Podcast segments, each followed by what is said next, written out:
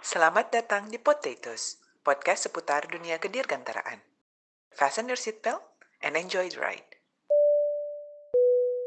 Selamat bertemu kembali di Potatoes episode terbaru. Kali ini kita akan ngobrol sama seseorang yang terlibat dengan proyek yang hangat baru-baru ini diperbincangkan di dunia kedirgantaraan nasional. hits Jadi Hits. beberapa waktu yang lalu kan kita katanya baru selesai mensertifikasi pesawat yang 100% karya anak bangsa N219 dan kali ini kita berhasil nih akhirnya setelah sekian lama spesial ya Res orang Iya iya iya iya iya iya. seseorang yang terlibat langsung nih Iya, Jadi, iya.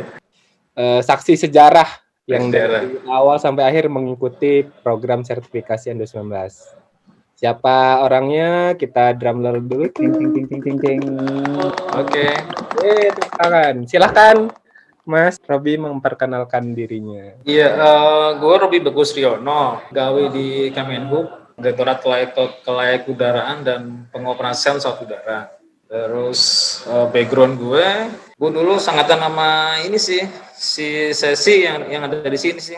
angkatan muda kita lah ya Angkatan- belum jauh lah Masih angkatan milenial lah kalau gue. Milenial. Milenial. Jadi yang kita konsen ke konten gitu kan. Jadi gue dari ITB, Teknik Penerbangan. Gue ngambil master di UGM, di hukum. ah, Gitu. Terus gue gabung sama Kemenhub dari tahun 2007 sih kalau secara legal. Tapi gue masuk kantornya 2008. Oh, hmm. Dan dari awal sampai sekarang gue masih di kantor yang sama gitu, masih di subdit yang sama, subdit sertifikasi pesawat udara. Kita apa melakukan proses sertifikasi pesawat udara. Oh. ini agak off dikit nih menarik soalnya Oke, S2-nya oke. hukum emang ada Iya, iya. hubungannya ya antara sertifikasi pesawat udara sama hukum dan, teknik- penerbangan Ha-ha. Iya, iya. Ada sih karena kan ini semua bahasa hukum gitu kan. Jadi kan sini semua bahasa hukum, jadi ini bahasa yang mengikat gitu kan. Ada satu tata aturan yang harus kita penuhi di sini gitu kan. Makanya ini gue ngambil hukum karena itu gitu. Berarti penerbangan dan hukum itu berkaitan dengan apa yang dilakukan Mas Robi saat ini ya di Iya. KPPU. Iya. benar. Boleh agak di ini nggak diceritakan lebih detail sebenarnya apa sih yang dikerjakan gitu? Maksudnya kok berkaitan dengan bahasa hukum? Karena kan kalau kita ngomong ke Undang-Undang Nomor 1 2009 gitu kan. Hmm. Ada pasal yang menyebutkan bahwa sebelum pesawat terbang itu dibangun secara komersil, dia harus mempunyai sertifikat tipe gitu kan. Itu di Undang-Undang. Nomor 1 tahun 2009. 2009 oh ada ada undang-undangnya ya Ada, ada. oh, Makanya gue belajar hukum karena ada di situ gitu. Oh oke oke gitu. Jadi ada Undang Nomor 1 tahun tahun 2009 pasal 15 gitu. Jadi kalau pesawat terbang itu mau dibangun secara komersil, dipasarkan secara komersil dan dioperasikan secara komersil dia harus punya sertifikat tipe. apa itu sertifikat tipe Sertifikat tipe ini isinya data teknis uh, yang menjamin bahwa pesawat ini ini safe for flight, terus conform to type design. Kita berbicara type design, kita bilang pesawat ini tuh beratnya berapa, pakai mesin apa, pakai propeller apa, punya kualifikasi dan performa seperti apa. Nah, itu type design kita. Kita tuangkan di type certificate data sheet, TCDS. oh jadi semua pesawat yang sekarang udah terbang di dunia ini pasti punya itu ya Kalau kita berbicara pesawat terbang secara komersil dan itu didaftarkan ke otoritas tempat, ya. Ah. Oh, secara komersil berarti Maksudnya gini, secara komersil berarti eh, dia bisa ngangkut orang, Mhm. terus mungkin dia disewa dan dia harus didaftarkan. Karena ini kan kita berbicara masalah objek hukum nih. Ketika dioperasikan dia harus didaftarin lebih dulu ke otoritas setempat kayak kita Kemenhub dalam hal ini atau mungkin kayak VA atau ASA. Nah sebelum dia didaftarkan dia uh, ada satu bagian penting dia, dia harus mempunyai sertifikat tipe atau type certificate. Berarti ini khusus pesawat baru aja, Bang? Atau gimana? Kalau misalnya kita modifikasi pesawat, apakah juga dengan type apa namanya akan harus mendapatkan sertifikat type design juga atau gimana? Kalau kita bicara modifikasi kita ada dua hal gitu kan. Ada modifikasi besar, ada modifikasi kecil. Kalau kita berbicara terkait major change ya, bahasanya berarti dia mengubah ke ini, merubah data dari sertifikat tipe. Katakanlah dia Hmm. engine, ganti engine, atau Hmm. mungkin nambah packs, atau dia nambah berat itu kan. Nah itu kita berbicaranya tuh major change di sini. Jadi dia bisa merubah sertifikat tipe. Tapi kalau itu ber- berbicara kita modifikasi yang dalam hal ini minor change ya, mungkin dia memasang alat apa, terus mungkin dia pengen masang float atau masang alat-alat tambahan itu itu dia nggak harus berubah sertifikat tipe. Hmm. Jadi misalnya masang antena tambahan gitu. Masang antena tambahan bisa dengan modifikasi kan, di sini bisa lewat kalau di kita kita punya dewa nih desain organisasi approval. Jadi nanti eh, bisa lewat dia, yang nanti dia akan mengcreate datanya, terus kita sertifikasi. Nah itu bisa tanpa merubah sertifikat tipe. Terus si sertifikat tipe itu tuh bentuknya apa sih? Kertas gitu atau ada nggak sih fisiknya? Ada, ada, Oh fisik- ada. ada fisiknya, ada fisiknya. Kayak Dan- ijazah gitu ya? Iya, iya. Oh, Kayak biasa gitu. Jadi nanti disebutkan itu modelnya apa dan dia komplek ke peraturan mana, bisa ke 23 untuk yang normal kategori, 25 untuk transport, 27 untuk heli, heli yang normal, terus 29 untuk yang heli transport itu. Kita nanti dis- disebutkan dia modelnya apa, Mhm. terus dia kapan aplikasi dan kapan kita isinya. Mas Robi boleh dijelasin 23, 25, 27, 29 tadi itu apa? Karena mungkin listeners potatoes tuh enggak. Hmm, Oke.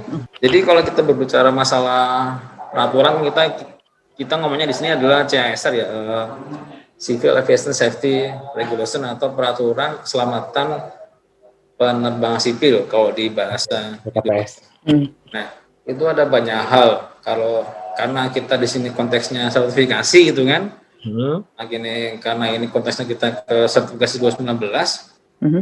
jadi eh, ada beberapa rules, ada beberapa CSR yang saling berkaitan, terutama di CSR 421 terkait eh, bagaimana sih kita mensertifikasi gitu kan, terus uh, Oke. rule-nya apa aja sih gitu yang harus dipenuhi, atau mungkin kita manggil mana sih untuk kita apa mensertifikasi sesuatu gitu. Kemudian kita kemudian kita baru turun ke tataran teknis nih di sini. Di 23 itu namanya judulnya itu airworthiness standar. Jadi eh, standar layak udaraan untuk pesawat 423. Dalam hal ini itu normal, kategori atau komuter. Dijelaskan di situ nih bahwa ketika kita mendesain pesawat dengan dasar aturan 23 dalam hal ini 2019 itu beberapa syarat yang yang harus penuhi. Katakanlah dia harus tes apa aja, dia Hmm. tes eh, terbang dengan speed sekian, dia harus memenuhi V rute sekian, dia harus apa namanya mempunyai sistem di power play-nya dia ketika pesawat manuver sistemnya itu nggak boleh fail gitu kan ataupun nanti fail dia masih punya backup sistem sehingga secara keseluruhan saat ini safe gitu. Jadi secara umum role-nya DKPPU ini adalah untuk me- apa ya? menggiring, me- meyakinkan bahwa pesawat itu memenuhi standar-standar yang ada ya. Nah, standarnya ini sendiri juga yang nyusun DKPPU ya atau gimana sih? Jadi kalau kita ngomong DKPU secara generik gitu kan, kita itu eh, satu mensertifikasi pesawat udaranya. Setelah itu kita mensertifikasi operatornya gitu kan.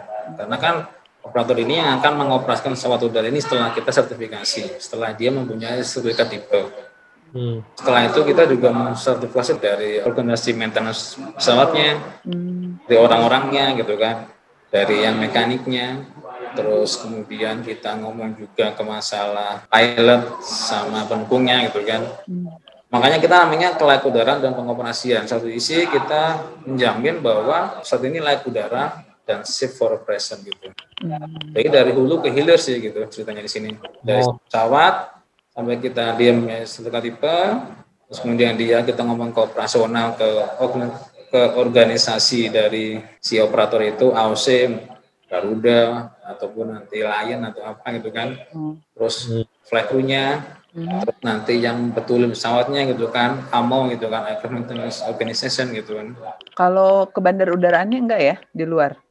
Atau Kebenaran nanti ada Ada juga? sisi- ada juga ada direktorat sendiri kalau kita ngomong kalau kita berbicara apa direktorat jenderal penerbangan udara ada dari Oh.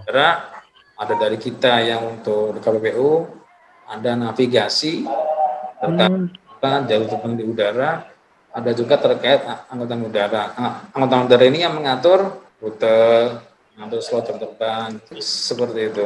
Itu beda direktorat ya. Kalau dir- Beda direktorat ya. direktorat khusus untuk sertifikasi pesawat. Begitu. Iya. Hmm. Tadi sempat dibilang 2019 itu kan comply terhadap CSR 23. Ketiga ya. Mungkin bisa digambarkan perbedaannya dengan CSR yang lain 25 misalnya. Iya. Perbedaan gimana Mas? Jadi karena ini kan pesawat 23. Jadi ada yang apa terkait normal. Kalau di 23 tuh kalau dari secara judul tuh kita bilangnya airworthiness standard untuk normal, utility, acrobatic, and commuter kategori airplanes gitu. Kalau kita berbicara masalah 25, kita ngomong ke pesawat yang lebih besar. Kita ngomong ke aturan yang harus mereka penuhi untuk komplain ke aturan 25. Jadi ada beberapa yang di 23 nggak ada dan itu ada dan itu ada di 25 gitu kan. Salah satunya terkait untuk dia mengapung di air. Kalau eh, bahasa Inggrisnya apa ya? Teaching, teaching ditching gitu kan. Nah kalau ditching di CS 23 tuh nggak dijelaskan atau nggak diminta gitu kan. Tapi bisa kita minta mereka atau nanti dari si aplikan mereka oke lah oh, mungkin di 23 nggak ada ditching tapi gue pengen saat ini bisa mengapung dia just case ada insiden atau accident itu kan gitu. Nah Oke. di 25 ada seperti itu bahwa kalau di 25 besar besar sertifikat untuk ditching. Nah syaratnya aja ada di situ. Dia harus bisa membawa float terus jumlah float berapa yang bisa dibawa dengan dengan penumpang slide vest dan sebagainya gitu kan. Nah, Dan di situ ada di di 25 gitu. Itu itu eh, satu perbedaannya besar itu kan. Karena mereka punya jarak jangkau yang lebih panjang, Oh, jadi 23 itu untuk Tiga. pesawat yang lebih kecil ya? lebih kecil ya. Maksudnya lebih kecil kemudian dia juga nggak terbang jauh lah karena dari sisi apa namanya cabin safety gitu ketemu sini dia nggak banyak gitu kan kata seperti tadi ditching gitu kan terus dia harus ada live ref gitu kan nah, ini kan sekelas 219 ini kan nggak ada live ref karena dia nggak terbang di garis pantai atau mungkin dia di terbang nye- nyebrang atau benua kan dia nggak akan sanggup untuk untuk ke situ gitu. Jadi lebih lebih kompleks kalau kita ngomongnya. 25 dia terbang jarak jauh gitu kan sekian ribu kilometer gitu. Dan dan dia terbang eh, nyebrang antar apa benua. Kalau misalnya nih aku nih mau bikin pesawat nih ceritanya, mau punya perusahaan bikin pesawat gitu kali ya misalnya, terus berarti kan harus disertifikasi nih kalau mau dijual kan ya? Yoi Dari awal udah harus tahu berarti ya, yang mau dikejar itu eh, regulasi yang mana sih gitu ya?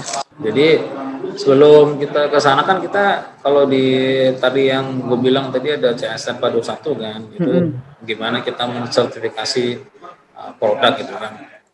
Jadi ada satu organisasi di sini yang harus dipenuhi dulu sebelum aplikasi untuk isi gitu kan. Oh, DOA itu. Sebelum melakukan eh, aplikasi sertifikasi, organisasinya juga harus disertifikasi. Iya benar. Ah, Kalau kita berbicara type certificate itu kan eh, itu ada tetaturan yang harus terpenuhi kan. Satu, satu dewa dulu gitu kan. Kita certified eh, kelasnya ada dan dia mampu dan bisa gitu kan. Baru ngomong ke aplikasi pusat terbang untuk itu sisi komersial. Tapi kalau untuk ada bidang lain yang berbicara ya terkait seperti fasi gitu kan, itu kan semacam kayak eksperimental gitu kan. Hmm. Mungkin bisa home build atau apa gitu kan ceritanya. Dan dia kan nggak ada TC di situ Hmm. hanya untuk hobi saja ceritanya. Nah kalau kita bicara masalah sertifikasi untuk pesawat terbang yang akan yang hasil akhirnya adalah sertifikat tipe itu harus ada tata aturan yang penuh dari organisasinya dulu, habis itu nanti dia baru ngomong ke proses sertifikasinya gitu kan. Pesawatnya kayak apa nantinya. Tadi Mas Rawi bilang kalau di PASI sebagai apa hobis karena pesawat eksperimental segala macam.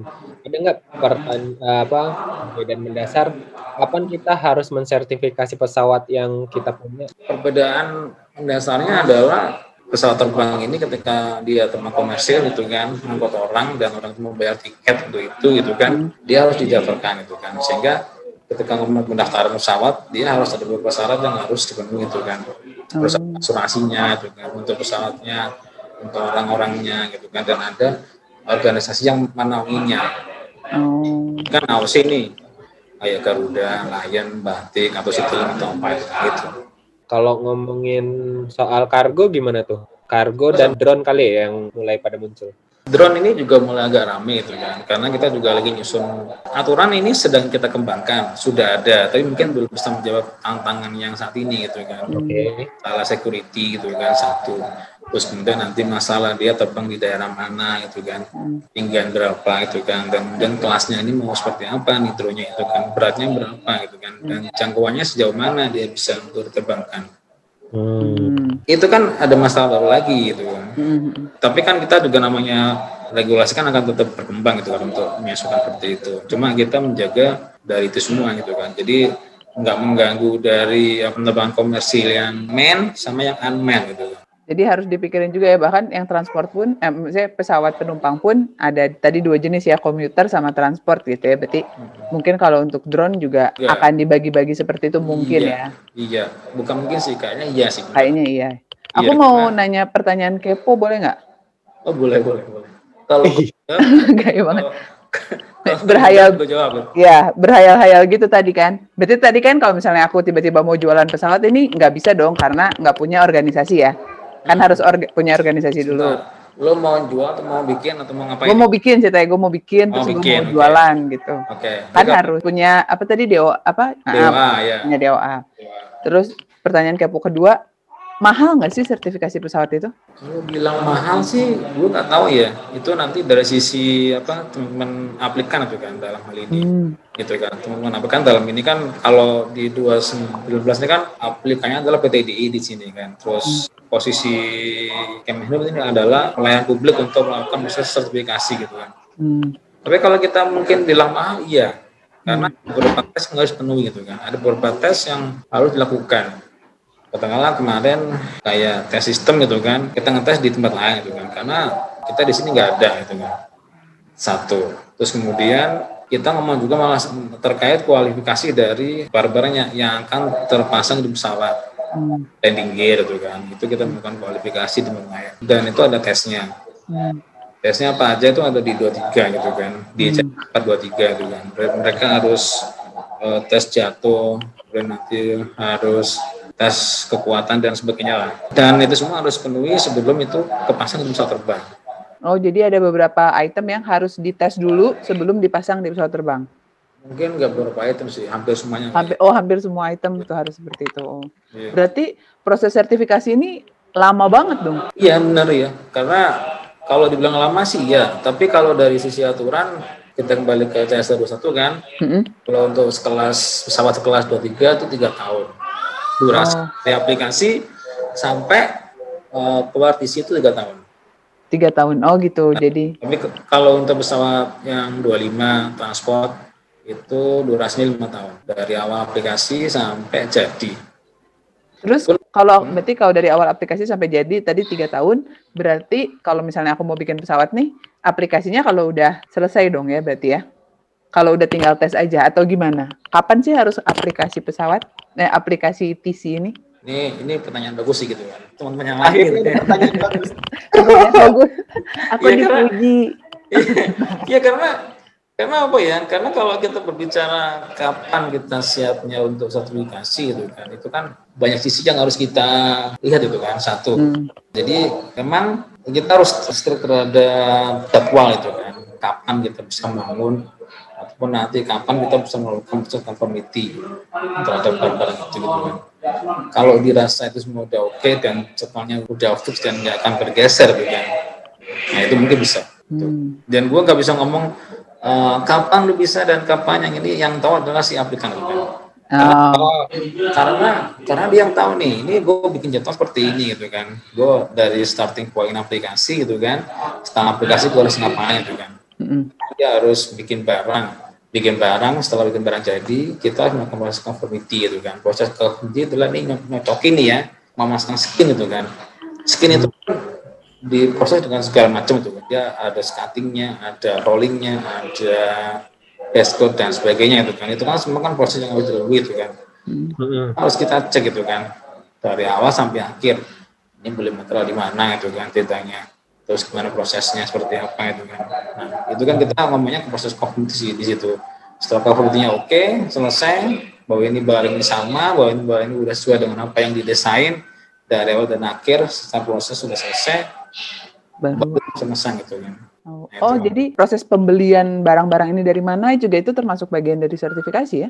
Iya, karena kan kalau kita bicara sertifikasi ini kan kita berbicara dari hulu ke hilirnya itu kan. Hmm. Jadi kita tahu nih pesawat dengan mesin sekian itu dulu eh, cara banyak kayak gimana gitu kan. Dulu mungkin ketika eh, pesawat ini jadi dia perlu ada modifikasi apa supaya supaya supaya bisa terpasang dan data itu harus disimpan selama pesawat itu terbang karena in case ada apa-apa atau mungkin ada defect yang muncul akhirnya kita ngomong lagi nih setelah ini ya kita ngomongnya setelah pesawat ini eh, selesai di sertifikasi Hmm. Akhirnya kita lagi ke masalah operasional tuh kan. Mungkin Hmm. masalah operasional dia nemu barang yang enggak sesuai dengan desain motornya.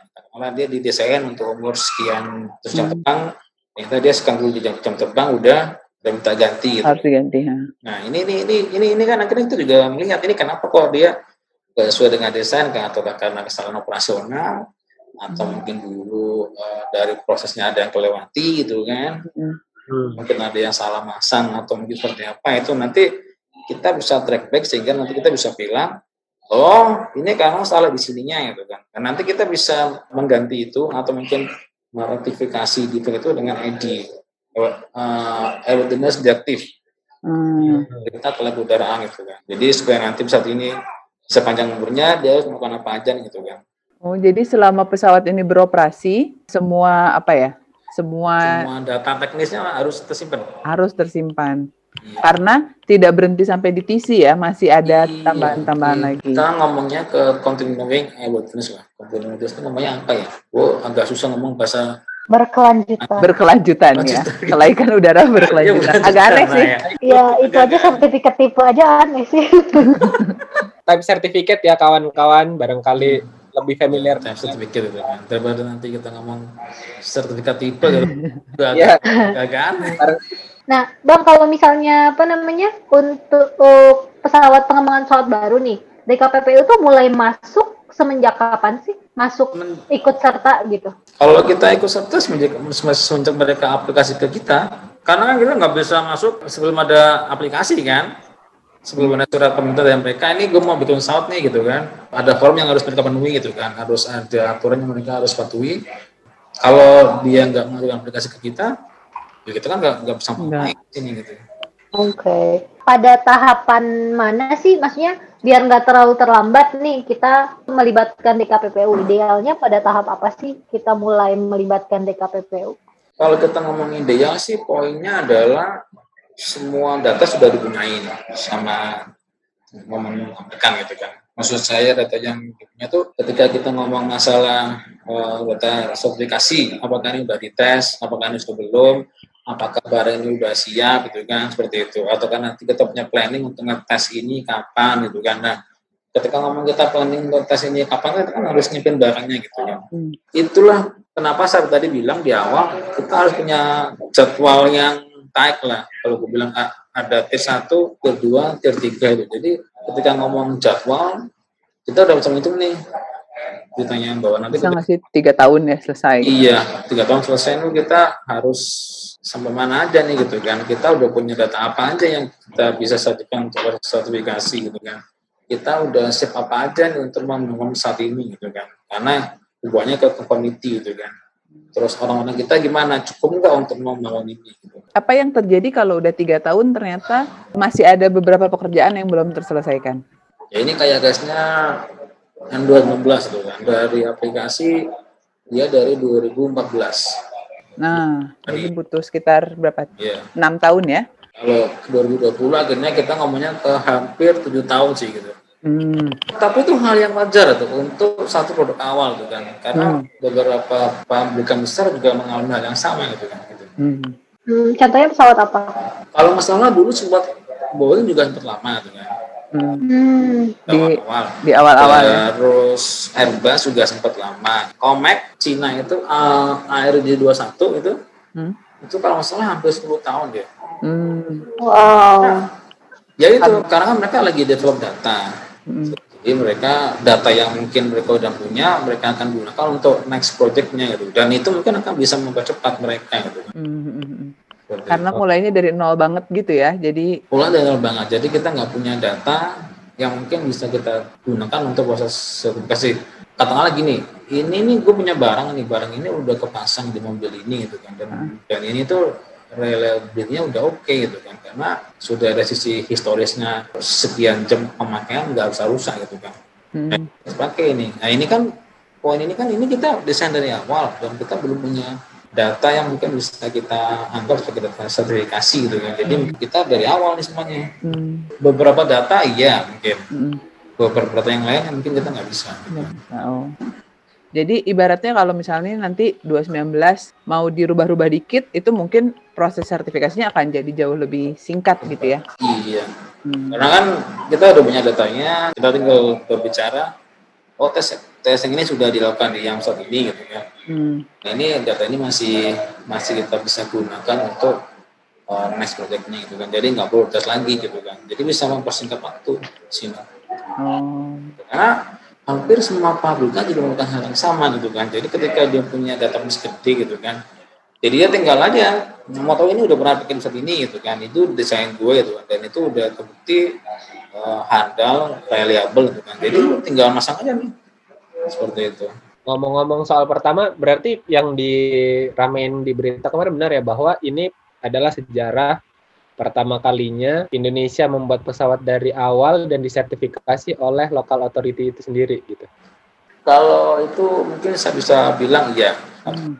karena kebetulan masuk dari awal kan jadi tahu nih itu siapa karena selama sejarahnya kan di kita tuh ada CN 235 tapi itu kan joint cooperation kan antara Kasal sama eh sorry antara Spanyol sama Spanyol kayaknya ya. Indonesia kan kalau kalau kalau gue nggak salah dan itu kan eh, apa sharing garis lah kalau kita ber, ber, berbicara di sini itu tapi kalau 2019 nih gue bisa jamin nih ya bahwa ini adalah semua dari kita gitu Hmm. dari kita yang bikin, dari, dari kita yang desain, dari kita yang uji gitu kan gitu. Dan dari kita yang juga yang sertifikasi. Oke. Kalau dulu yang 250 gimana tuh, Mas? Nah itu gue nggak tahu ini, karena gue masih sekolah itu masalah. Oh, kita masih kinyis-kinyis waktu itu, masih TK. Tapi waktu itu belum terhitung karena belum sempat selesai sertifikasi gitu ya. Makanya si 29 Iya. adalah pesawat pertama yang dibuat di dalam negeri dan pertama kali berhasil sertifikasi gitu ya. Iya, kalau itu gue setuju itu, bakat ya. Karena mungkin dua puluh mungkin produk bangsa kan gitu kan, tapi Hmm. eh, belum selesai untuk proses sertifikasinya gitu. Ya gue nggak tahu sih gimana ceritanya, karena gue masih sekolah sih. Mungkin lu masih kelas aja. Nggak tahu kita sekelas nggak jadinya nih. Ya? Angkatan nggak kita jadinya. gue masih SMP atau gimana? Gue nggak tahu ceritanya men gitu. Jadi mungkin kita harus nanya bapak-bapak yang lebih senior sih. gitu. Senior.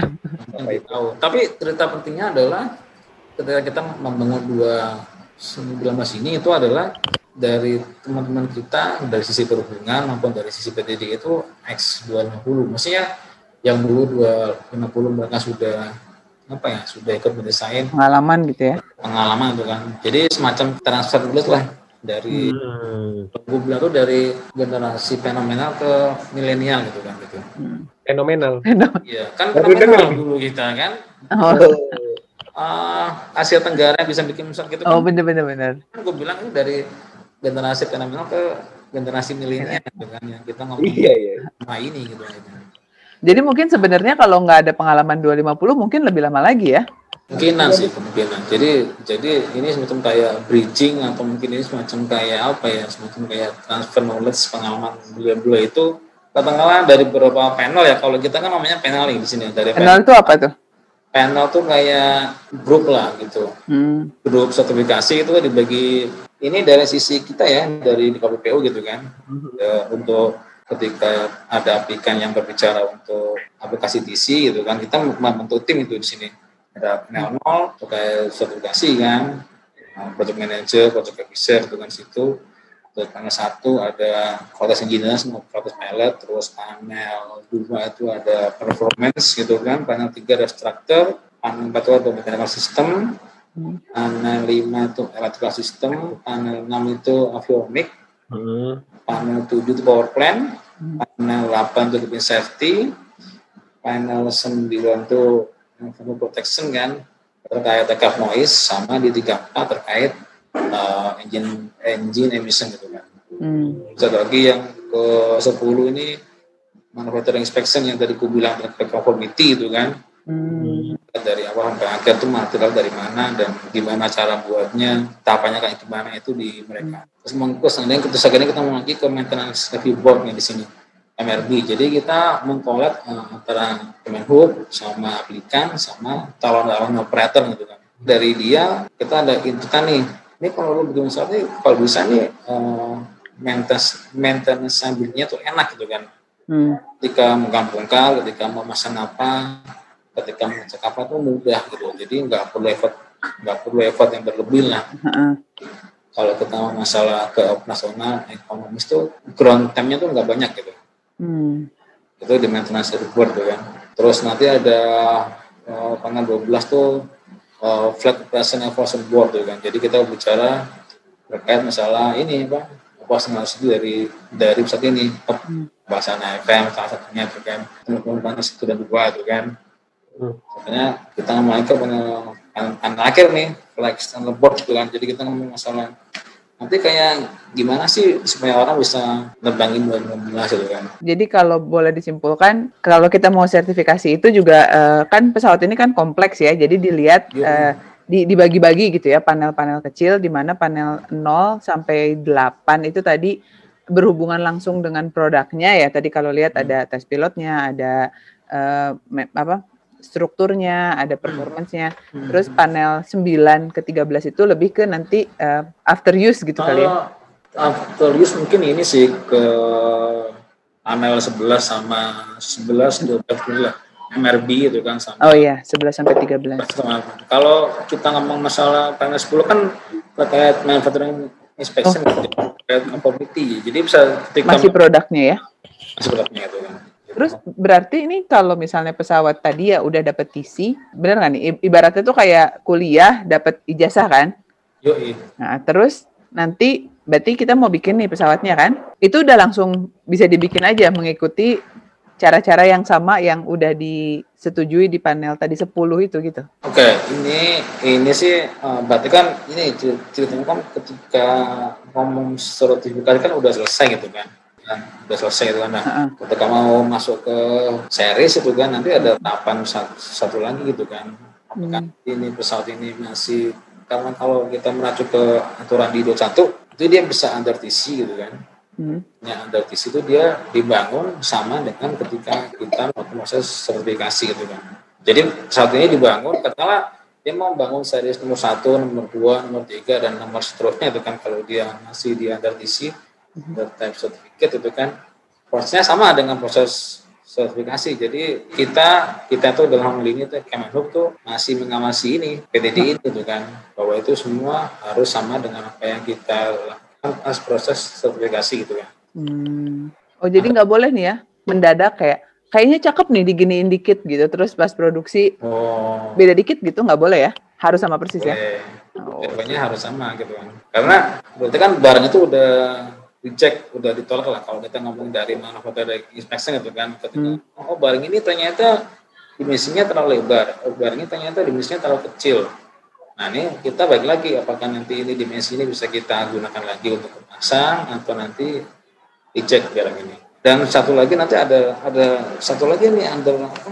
Under PC kan, production certificate itu kan. Jadi poinnya sih kita mengevaluasi sistem yang di mereka itu kan Eh, dari sisi pengawasan, dari sisi receiving barang, cara membuatnya, terus mereka cara menginspeksi, Hmm. terus akhirnya sampai selesai seperti apa itu kan. Kalau kita udah setuju dan kita udah rilis mereka untuk bikin ya udah semuanya under PC gitu ceritanya production certificate. Certificate. Oh, jadi ada type certificate, ada production certificate. Jadi itu production ada- certificate harus apply lagi atau kalau udah apply TC itu pasti apply PC juga. Yoi. Eh, mungkin mereka bisa nyusul ya Hmm. beli PC-nya karena dia bisa mem- membangun under PC di sini. Jadi dia bisa membangun bisa membangun under PC jadi membangun dengan barang yang sama pas ketika barang ini disertifikasi gitu kan. Jadi kita masih masuk di situ ceritanya. Jadi kita masih ngawasin mereka gitu kan. Hmm. Kita ngomong under PC di bawah person certificate gitu kan. Mhm. Nah, mereka kita tinggal rely on ke mereka kan. Dan nanti kita berbicara servernya kapan, orinya kapan. Perbedaannya ketika kita produksi under TC itu DKPPU masih harus dilibatkan. Tapi kemudian ketika kita mau produksi massal, kita diakses dulu PC-nya, begitu udah approve PC-nya, ya udah kita produksi aja tanpa melibatkan eh, DKPPU dalam proses-proses detailnya seperti itu. Iya, benar. Lumayan ini juga ya ketat ya. Iya. Nggak iya kan Iya kan kan poinnya ini kita harus bisa menjamin bahwa ini uh, safe for flight sama platform tetap tuh kita. Ini yang membedakan pesawat mungkin sama kendaraan lain kali ya. Maksudnya kalau mobil tahu. kan, mobil kan bisa kayak rubah-rubah dalam aja gitu, boleh kan? Kalau pesawat nggak boleh ya? Boleh nggak sih? Ya boleh, tapi kan ada aturan yang harus diikuti kan, harus disertifikasi dulu kan, Hmm. kayak gimana itu kan. Kursinya bisa nggak ke situ gitu kan. Terus Hmm. harus kursinya harus harus jelas lagi kan, dia bisa harus tangan berapa G ke depan, ke belakang, ke samping, ke bawah itu banyak sih. Ya mungkin itu yang bikin pesawat mahal. Gitu. Nah iya. Jadi, tapi untuk membuktikan juga bahwa pesawat itu emang sebenarnya paling safe ya. Yoi, Hmm. sepakat gue. Jadi semua barang, bo- eh semua pesawat boleh diapain aja asal comply ke regulasi yang berlaku. Yoi, Dan ya, regulasi yes. ini yang bikin adalah DKPPU ya. Kalau di Indonesia. Kalau bisa ya. Jadi poinnya kan kita ada aturan internasional di sini kan, AKO, um, International Civil uh, Aviation, Organization. ya kalau nggak salah. AKO. Nah, AKO ini kan dia ngeluarin ini apa annex itu. Di antara annex itu uh, kita ada annex 8 yang terkait apa mensertifikasi pesawat udara Hmm. itu terkait engine, propeller, helikopter sama pesawat terbang itu kan. Sama uh, annex 16 nih. 16 ini ada volume 1, 2, 3. Volume 1 yang terkait untuk noise, aircraft noise, misalnya Bisingan. Kemudian uh, terkait, terkait emission itu di volume 2-nya, volume 3-nya itu terkait particulate matter buat engine. Engine itu ketika dibuat uh, dia harus comply terhadap uh, apa yang di emit itu harus ada angkanya sih, smoke numbernya berapa, particulate-nya berapa, CO-nya berapa itu, ya itu semua yang kita pakai. Hmm. Ya, nanti kita mengacunya uh, membuat rule itu nanti kita mengacu mengacu ke situ, mengacu ke AKO annexes gitu. Jadi sudah banyak reference atau guidance-nya ya untuk Iya. sertifikasi pesawat. Gimana? Kalau pertanyaannya adalah kenapa sih pesawat harus disertifikasi? Kalau jawab singkat karena apa tuh? Karena pesawat seperti itu confirm to top design itu kan, bahwa kita bisa memastikan bahwa ini confirm to top design sama safe for flight gitu kan. Safe for flight. Buat Iya. keselamatan kamu juga. Iya. Ya, Jadi jadi demi apa? Demi safety. Yo, itu kalau di scroll scroll ke bawah ya bisa Nah. dicari loh. Kita pernah ngobrolin tentang demi safety. oh gitu ya. Iyo, iyo. Tadi kan udah pesawat baru di approve organisasi terus pesawatnya disertifikasi dapat isi. Kemudian kalau mau production mass dibuat sertifikasi PC. Nah setelah itu boleh kan aplikan itu tadi jualan pesawat karena sudah approve pesawatnya ya. Selama TC udah diisi dia boleh jualan dia. Tanpa approve PC dulu sebelumnya Boleh. sertifikat Boleh udah kan, langsung boleh. kan, kan tadi ada dua, satu under TC, di mana kita masih involved dalam proses uh, produksinya gitu kan. Hmm. Oke. Boleh, mereka jualan karena data TCDS tadi, Type Certificate Data Sheet itu kan milik publik, jadi semua tuh tahu gitu kan. Kalau Jadi aku bisa tahu nih, eh, 2019 Bisa tuh. Oh Bisa. gitu. Jadi ini Bisa. bisa lihat online. TCDS ya, TCDS ya, Type Certificate Data Sheet itu kan. Itu sama kayak yang di Jens Jens gitu bukan? Oh, bukan, jenis Oh, itu bukan. mungkin apa ya, semacam kayak deskripsi, tapi mungkin bisa sama bisa enggak tuh jatuhnya gitu. Atau di Wikipedia deh gitu. Kalau misalnya googling Oh. pesawat. Mending, iya, mending kalau mau sih ini aja katakanlah kayak Boeing gitu kan. Boeing kan dia diisut pertama kali kan oleh FAA gitu kan. Heeh. Si FAA ini akan maintain type certificate data Oh. di situs mereka dan itu publik boleh tahu gitu kan. Oh, oke. Jadi ini kalau masyarakat pengen lihat tentang 219 type certificate datasheet-nya ada di websitenya Kemenhub. Portal Insis Kemenhub ya. Itu public access untuk yang TC. Jadi semua data TC DS yang kita isi ada di situ. Hmm. Kawan-kawan barangkali mau kepo-kepo PCDS-nya 2019 seperti apa, silakan dikunjungi di IMSIS-nya DKPPU. Ketik, ketik aja Insis portal Kemenhub nanti dia diarahkan ke sana. Oke, portal Kemenhub. Hmm. Nice. Oke, terus sebentar lagi. Oke. Gue- Heeh. Gue gue ditanyain apa lagi nih? Kok kayak Udah siap banget nih kayaknya.